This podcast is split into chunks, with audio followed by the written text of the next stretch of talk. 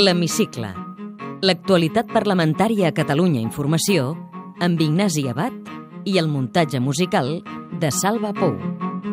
La Comissió d'Investigació sobre la crisi de les caixes ha marcat la setmana parlamentària. D'entrada, per la rellevància dels compareixents. El primer, l'expresident de Bànquia i exvicepresident espanyol Rodrigo Rato. Dilluns va defensar la seva actuació al capdavant de l'entitat rescatada, tot evitant autocrítica per la comercialització de preferents. Yo no estaba en ese momento en Caja Madrid, no le puedo a usted decir, pero no tengo ninguna constancia que fuera lo contrario. En cualquier caso, los tribunales están viendo casos concretos sobre preferentes y sobre otros productos todo el tiempo y ahí serán los tribunales los que tengan que ver si en un caso concreto se llevó a cabo algún tipo de actuación que no era eh, legítima, no le puedo a usted decir. La imatge del dia, però, va recaure en el diputat de la CUP, David Fernández, que va treure's la sandàlia com a gest de protesta davant la negació de xifres sobre desnonats per Bànquia que denunciava el parlamentari. ¿Sabe qué es esto? Lo que hacen en Irak con esto, como un símbolo de humillación y desprecio al poder del poder. Y la pregunta es, ¿usted tiene miedo? ¿A quién a usted? No. Un día perderlo todo como lo han perdido millones de familias. A que un día la gente se harta. ¿Usted tiene No miedo? voy a Recordo que se li contestar ha esa acabat el pregunta. temps. Y amb això acabo, és que se li ha acabat... que, el... que nos vemos en el infierno. Cambie de banda. Perdoni, però senyor Fernández... Hasta eh, pronto, gánster. Vostè fa sempre el mateix. Quan També parla- va carregar durament contra Rato l'ecosocialista Josep Vendrell. Parece que usted Gracias. nunca Usted sabe vio que- nada, que señor además yo Rato. so- Usted so- permane- pertenece a Perdón. una élite carroñera y esperemos que justicia haga su trabajo. L'actual president de Bànquia, José Ignacio Goiri Golzarri, va dir que va ser un error la sortida a borsa de l'entitat rescatada. I sobre les preferents va recordar que Bankia no n'havia emès, sinó les entitats que la van integrar. Per això va responsabilitzar els anteriors directius. Visto lo visto, y pues el canje fue claramente malo en términos de resultados para los señores que recibieron el canje. Es por eso que nosotros, en Bankia, en, en mi etapa, nos pareció una gran noticia el hecho de que eh, estos preferentistas que fueron canjeados se pudieran sumar al arbitraje al que antes he hecho referencia. El conseller Ramon Espadaler defensa l'actuació dels vuit Mossos d'Esquadra encausats per la mort d'un empresari al barri del Raval de Barcelona a l'octubre. A la Comissió d'Interior, Espadaler es va mostrar convençut dijous que aviat s'arxivarà la imputació contra alguns dels agents ara apartats cautelarment del cos. unes mesures que podran ser modulades, d'acord amb les noves informacions que puguin derivar del procés judicial, així com de les informacions que disposin per part de la Divisió d'Afers Interns. Estimem que és improbable que es mantinguin totes les imputacions a la totalitat dels agents. El conseller demana que no es posi el focus mediàtic sobre la policia cada vegada que hi ha un incident. I va exposar amb dades a la mà que els últims quatre anys ha baixat sensiblement la delinqüència al districte de Ciutat Vella i ha millorat l'eficàcia policial. Espadaler no admet errors, però sí que cal millorar la comunicació i revisar alguns protocols. Hi ha alguns aspectes a millorar, jo n'he assenyalat un abans, en relació a la qüestió de la comunicació, i ho he fet autocríticament referit a mi.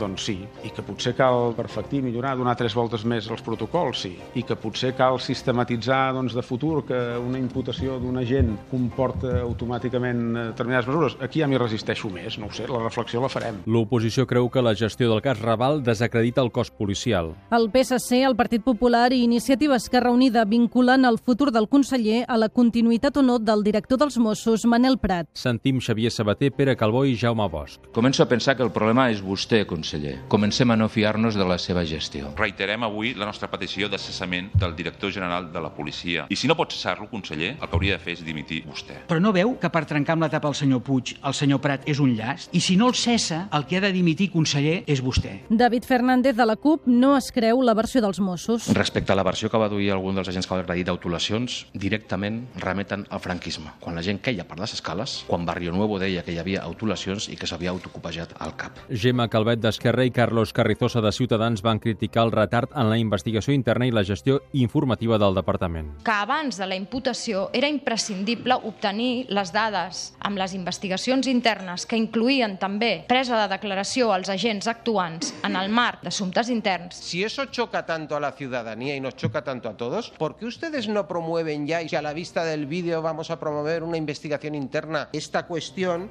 deberían haberla liderado comunicativamente? Des de Convergència i Unió, Lluís Guinó demana transparència en les actuacions, però que no s'utilitzin els Mossos políticament. Tots hem de fer un esforç per no utilitzar la policia com a un element de confrontació política i des d'aquest punt de vista defensem, òbviament, una bona coordinació i que hi hagi el màxim de transparència i s'assumeixin les responsabilitats sempre i quan aquestes responsabilitats constin acreditades.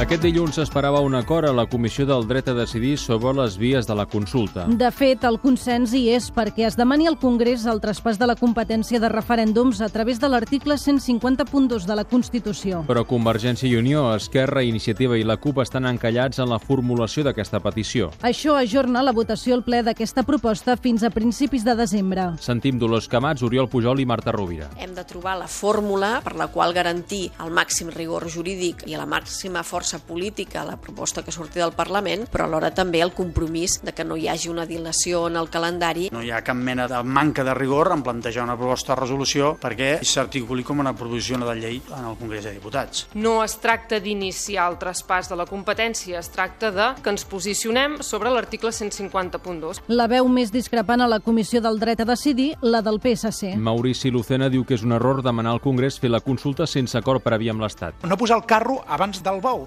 Si es va al Congrés espanyol demanant la transferència bé de l'autorització o bé de la competència, això serà un pla Ibarretxe 2.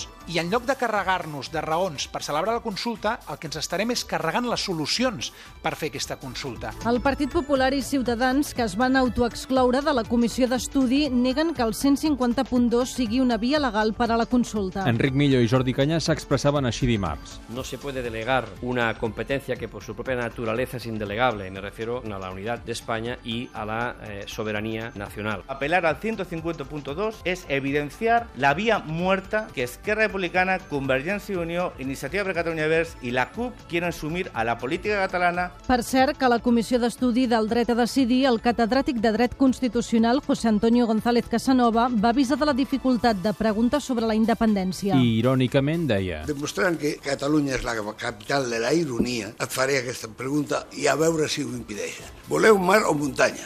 Si és mar, independència. S'ha de fer amb aquesta fórmula. Ridícula, però que ens obliga. Perquè ja pots ficar la paraula independència o un eufemisme que no sigui un xiste, com el que acabo de fer, i et diran Catalunya ni cap comunitat autònoma té competència per a aquest motiu.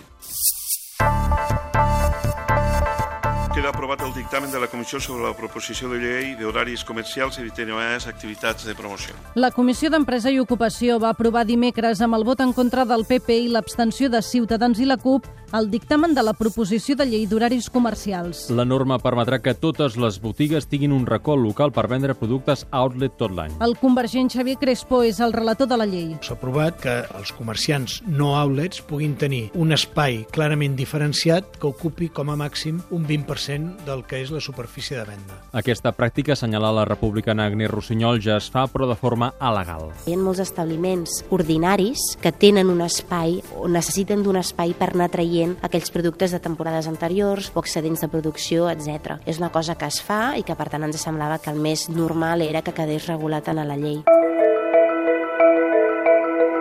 Una moció d'iniciativa sobre el paper de Duran i Lleida a la Comissió Bilateral Generalitat-Estat marca diferències entre Convergència i Unió i Esquerra. El text inicial plantejava el cessament de Duran, però Esquerra el va esmenar perquè demanés al president de la part catalana que faci cas del govern i del Parlament. Això Convergència i Unió ho entén com un intent de reprovació. I el diputat Lluís Coromines ho va retreure als seus socis d'Esquerra. Per part d'Esquerra Republicana s'ha dit que aquesta esmena que han presentat era en la línia de millorar, etc etc. El senyor Bosch ha dit clarament que era un toc d'atenció i una reprovació light. I per tant, el que vostès votaran avui, Esquerra Republicana, PSC, la resta que votin a favor, és un toc d'atenció al senyor Duran Lleida, un toc d'atenció a Convergència i Unió i una reprovació light a Convergència i Unió al senyor Duran Lleida. Per tant, no vulguin desviar l'atenció. El que estan fent avui és votar això. La moció finalment es va tombar amb els vots de Convergència i Unió, el PP i Ciutadans. De les mocions aprovades aquesta setmana en destaca una adoptada per unanimitat que demana a l'Estat que mantingui les matèries de filosofia com a comunes i obligatòries a l'ESO i al batxillerat davant la futura implantació de la LOMSE.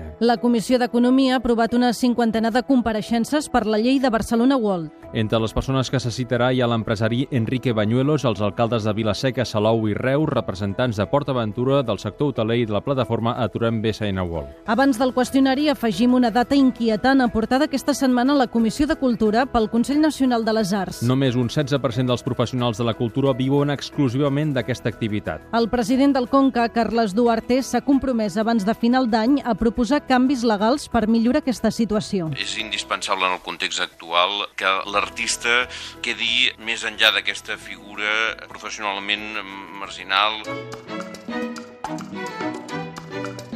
té la paraula Xavier Estima, diputat del grup parlamentari de Convergència i Unió, tinent d'alcalde de l'Ajuntament de Ripoll, cap d'àrea de serveis al territori i sostenibilitat. en una frase. Senyor Xavier Sima, completi la frase. El 2014 serà l'any de... Esperem que de la consulta. Amb quina pregunta? Vostè vol que Catalunya sigui un estat independent. Doncs Aquesta legislatura serà tan curta com l'anterior? Esperem que no hi ha molta feina a fer. El fet de marcar la consulta no vol dir que hagi d'acabar la legislatura perquè estem intentant construir moltes estructures d'estat doncs, que també seran necessàries pel dia després de poder fer la consulta i si s'ha de proclamar la independència, doncs proclamar-la. Quan acabaran les retallades? Doncs en principi de noves retallades l'any que ve ja no n'hi haurà, els pressupostos ja no en contemplen de noves, però sí que és veritat que encara el cinturó doncs, l'any que ve l'haurem de tenir apretat. Com combatria el fracàs escolar? El primer que hem de fer és no canviar de llei d'ensenyament cada dos o tres anys perquè és impossible que la canalla que puja a les escoles tingui una regularitat. Si es queda sense feina, quina és la primera porta que truca? Doncs segurament tornaria a trucar doncs, a l'empresa d'on he estat treballant fins ara, que hi portava 12 anys. Quan pagar de lloguer o hipoteca? Doncs estic de lloguer i pago 700 euros al mes. Ha cobrat o pagat mai en negre? No. Usaria la mà al foc que el seu partit ningú ha comès mai cap irregularitat? Entenc que no, li, li posaria. De què he treballat abans de fer de diputat? Doncs estàvem en una enginyeria d'obra civil i ens encarregàvem de fer doncs, direccions d'obra civil per l'administració. Quins estudis té? Vaig fer enginyeria geològica. En quins pobles o ciutats ha viscut al llarg de la seva vida? A Ripoll, a Barcelona, quan estudiava, a Vic i ara torno a viure a Ripoll. Un viatge pendent. A Tailàndia. Creu en el destí? Sí. I en l'amor a primera vista? També. Digue'm amb quin sex símbol li agradaria compartir una estona. Amb la Jennifer López. Quina és la pel·lícula de la seva vida? El Club dels Poetes Morts. Un quadre que l'apassiona. Tinc un batalla a casa que és un artista eh, local de Ripoll. Sempre que entro al menjador me'l quedo mirant. Eh, em sembla que es diu Vers l'horitzó. Recomani'm una novel·la que l'hagi encandilat. No és novel·la, però recomanaria l'última lliçó de Randy Poix. Una cançó que no es treu del cap. One do dos. Quin plat cuina més bé? La pasta amb- amb qualsevol de les seves varietats és, és un plat que és fàcil de cuinar i per tant me'n surto prou bé. Digui'm una mania confessable. M'encanta anar descalç. Per casa. Per casa i per tot arreu un poc, eh? aquí al, al Parlament no queda bé, però si pogués anar descalç també hi aniria. Quan acaba un ple aquí al Parlament, com desconnecta quan torna cap a casa? Poso música al cotxe. M'agrada posar la música del cotxe força alta i si és un dels millors. Senyor Xavier Sima, moltes gràcies. Moltes gràcies a vosaltres. Podeu tornar a escoltar aquest programa i recuperar els anteriors a catradio.cat barra hemicicle.